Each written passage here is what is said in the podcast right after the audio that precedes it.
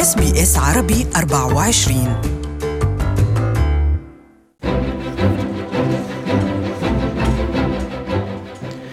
مستمعينا عبر أثير SBS عربي 24 وأهلا بكم إلى حلقة جديدة من المال اليوم. ما هي التغييرات الضريبية أو الحسومات الجديدة؟ وهل يمكن جعل العائد الضريبي أكبر؟ نرحب بضيف البرنامج. أهلا وسهلا فيك أهلا المستشار المالي آه، مصطفى شومان. أهلا وسهلا. قبل البدء بالحديث مثل العادي لازم نعمل التصريح يعني آه، أنه آه، كل ما يحكى ويذاع ويقال في هذا الحديث إنما هو على سبيل المعلومات العامة فقط وليس نصيحه خاصة لأن هذه المعلومات قد لا تكون مناسبة لكم أو لمعظمكم أو لبعضكم. لذلك إذا أردتم استشارة ضريبية مناسبة لكم عليكم الاتصال بوكيل ضريبي معتمد. أه والله أحب أبدأ إنه موضوع الخصومات الضريبية دايما الناس بتبقى أه عندها بعض الثوابت عندها ما بتغيرهاش. إن أنا عملت كذا السنة اللي فاتت فهعمله السنة دي وهعمله السنة الجاية. أه أحب أقول للناس دي إن كل حاجة بتتغير تقريبا كل سنة. في اتجاه من الحكومة بشكل كبير إن هم أه يدعموا الخصومات الضريبية لأنه زي ما قلنا قبل كده في حلقات سابقة إنه أه معدلات ارتفاع الحقيقية للدخول تقريبا منعدمة مع آه، ارتفاع طبعا مستمر للأسعار. فالحكومة بتحاول إنها تساعد آه، انتعاش الاقتصاد بإنها تبدأ بدفع بخصومات ضريبية. فبت... في شو في عندك نصائح للخصومات الضريبية؟ ويمكن هو كل كل شيء بحسب الوظائف لأنه مش الكل بينطبق عليهم ذات ذات النمط. صحيح. أنا عايز بس أحب أبدأ آه، أقول للناس إن في حاجة جديدة السنة دي هيطبقها هيطبقها مكتب الضرائب الأسترالي اللي هو الملخص المدفوعات أو ال payment summary اللي إحنا كلنا متعودين يتبعت لنا من آه، صاحب العمل على الإيميل أو بيدلنا منه نسخة ورقية. فلو حضرتك ما استلمتوش في بعض أصحاب العمل هيدوا حضرتك نسخة وهيبعتوا لمكتب الضرايب نسخة وفي بعض أصحاب العمل هيبعتوا لمكتب الضرايب مباشرة. هو إن شاء الله آه، الآخر ميعاد ليه كان 29 آه، جولاي و 29 يوليو لأن هم يسلموه لمكتب الضرايب فمكتب الضرايب دلوقتي على علم بملخص المدفوعات اللي حضرتك خدته السنة ده لأول مرة السنة دي يتطبق. الاتجاه الحكومي هو عامة هو ربط كل الخدمات ببعض ال ATO وال Centrelink وكل وال Medicare الربطات دي كلها عايزين نربطوها في مكان واحد.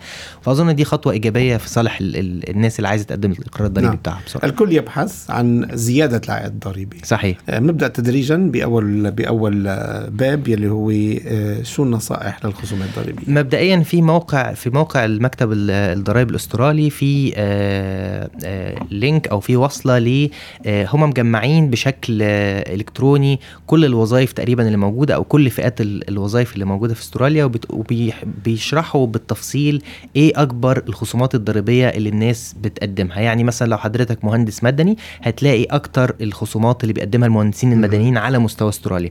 ده بيساعد الناس كتير جدا إنها تفهم إيه الخصومات الضريبية اللي ممكن يقدموا عليها في وظيفتهم. الخاصة بيهم. فأنا بشوفها حاجة وخدمة مهمة جدا الناس بشجعهم يخشوا على الموقع ويدوروا عليها.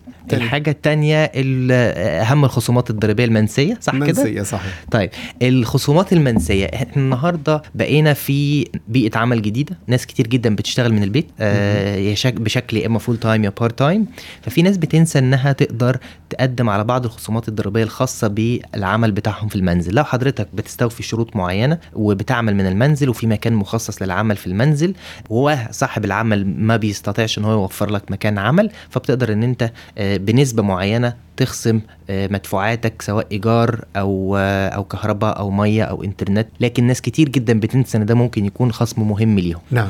برضو الخصومات على المواصلات سبل المواصلات والقيادة السيارات. آه، لو حضرتك بعض الخصومات إن أنت لو بتعمل زي ما بيقولوا اجتماعات أو بتشوف زباين أو أو إلى آخره وصاحب العمل ما بيعوضكش عن المصاريف دي بتقدر إن أنت تقدم عليها كخصومات. ضريبيه عدا طبعا استعمالك للعربية والمواصلات من وإلى مكان العمل. كنا عم نحكي عن خصومات ضريبية غير مسموح بها. صحيح. مثل شو آه بيحصل دايما أو بشكل كبير الناس بتكون بتشتغل سواء موظفين أو أصحاب أعمال وعنده تليفون محمول أو آه أو استعمال مثلا للإنترنت أو الآيباد أو إلى آخره آه وبيقدم ده على إنه آه خصم ضريبي لإنه بيستهلكه في العمل. لكن لازم نفرق دايما بين الاستهلاك الشخصي واستهلاك العمل. يعني لو حضرتك عندك تليفون شخصي بتستعمله في العمل لو بتستعمله في العمل بس يبقى ده هيكون خصم ضريبي لكن لو مصاريفه يعني لكن لو بتستعمله كاستهلاك آه، شخصي كمان لازم بتعمل تقريبا بتقدم لل- لل- للإقرار الضريبي. بتقول والله أنا بصرف 1000 دولار في السنة على التليفون 30% منهم لاستعمال العمل 70% للاستعمال الشخصي. الغلطة الثانية اللي اتكلمنا فيها قبل كده ال- العربية أو المواصلات استعمال السيارة أو المواصلات. ناس بتقدم الخصومات الضريبية بتاعتهم على آه، آه، أساس إن هم من وإلى العمل. من من وإلى العمل لا لا يعد ك كخصم ضريبي بعض الناس بتقدم على الملابس إنها آه، استهلاك آه، في العمل سواء أصحاب أعمال أو موظفين. يجب أن يكون الملابس دي لها علاقة بالعمل سيفتي أو زي ما بيقولوا عنصر أمان زي خوذة أو جزمة أمان أو أو إلى آخره أو بيكون عليها اسم ال- البيزنس أو اسم الشركة اللي بتشتغل فيها. رفيع جدا بيفصل ما هو شخصي وما هو له علاقة بالعمل. لازم نقول مكتب الضرائب بيزداد حرصا كل سنة وعدد الملفات اللي بيفحصها وبيراجع عليها بيزداد كل سنة. ودايما أقول قبل ما نقدم على الإقرار نتأكد مرة واثنين وثلاثة. اقرار ضريبي عنده وقت يعني ما فينا نتجاوزه شو هو الوقت وفي حال تم تجاوزه شو بيصير؟ آه 31 أكتوبر آه من العام اللي هو 2019 آه في حالة تجاوزه لازم بتقدم سبب مقنع إنك ليه مش قادر تقدمه أو إلى ذلك. وبيكون في آه، زي عواقب حسب كل حالة وحسب بتقدم إيه وما بتقدمش إيه. من هون بنحكي شوي عن خبير محاسبة أو وكيل ضريبي. أكيد لازم يكون عنده مواصفات لحتى نقدر نستعين فيه يعني ليس أيا كان مزبوط صحيح طبعا. ال- المحاسب الضريبي أنا دايما بنصح آه، خاصة أصحاب الأعمال. آه، لو حضرتك مثلا مقاول لو حضرتك عندك مصنع في مجال معين حاول تشوف محاسب بيتعامل مع هذه الفئة من الأعمال ب- بكثرة لأن بيكون عندهم خبرة وبيكون عندهم طرق كتير إن هم يساعدوك حتى مش في الإقرار الضريبي الماضي لكن في في القادم كمان.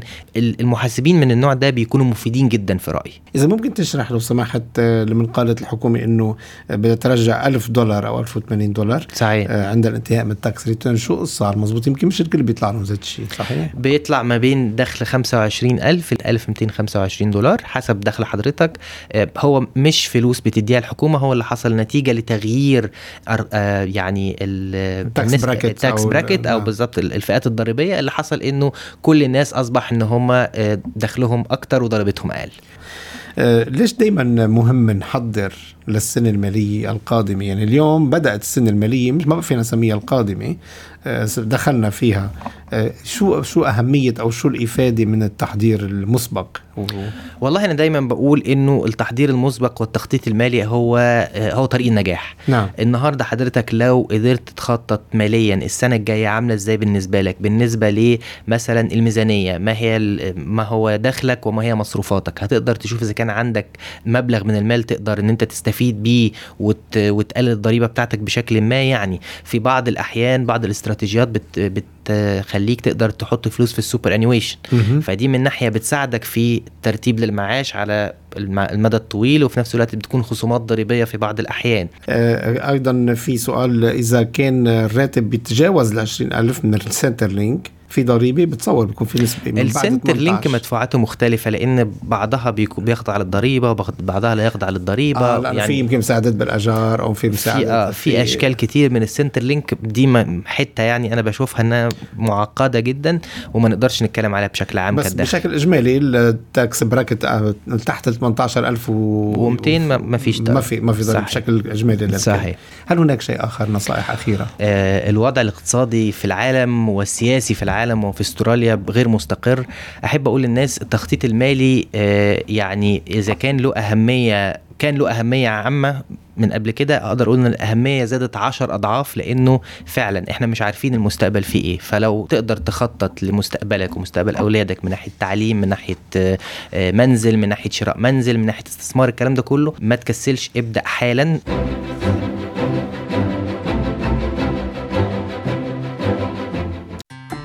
استمتعوا بمزيد من القصص باللغة العربية عبر زيارة موقعنا sbs.com.au forward slash Arabic.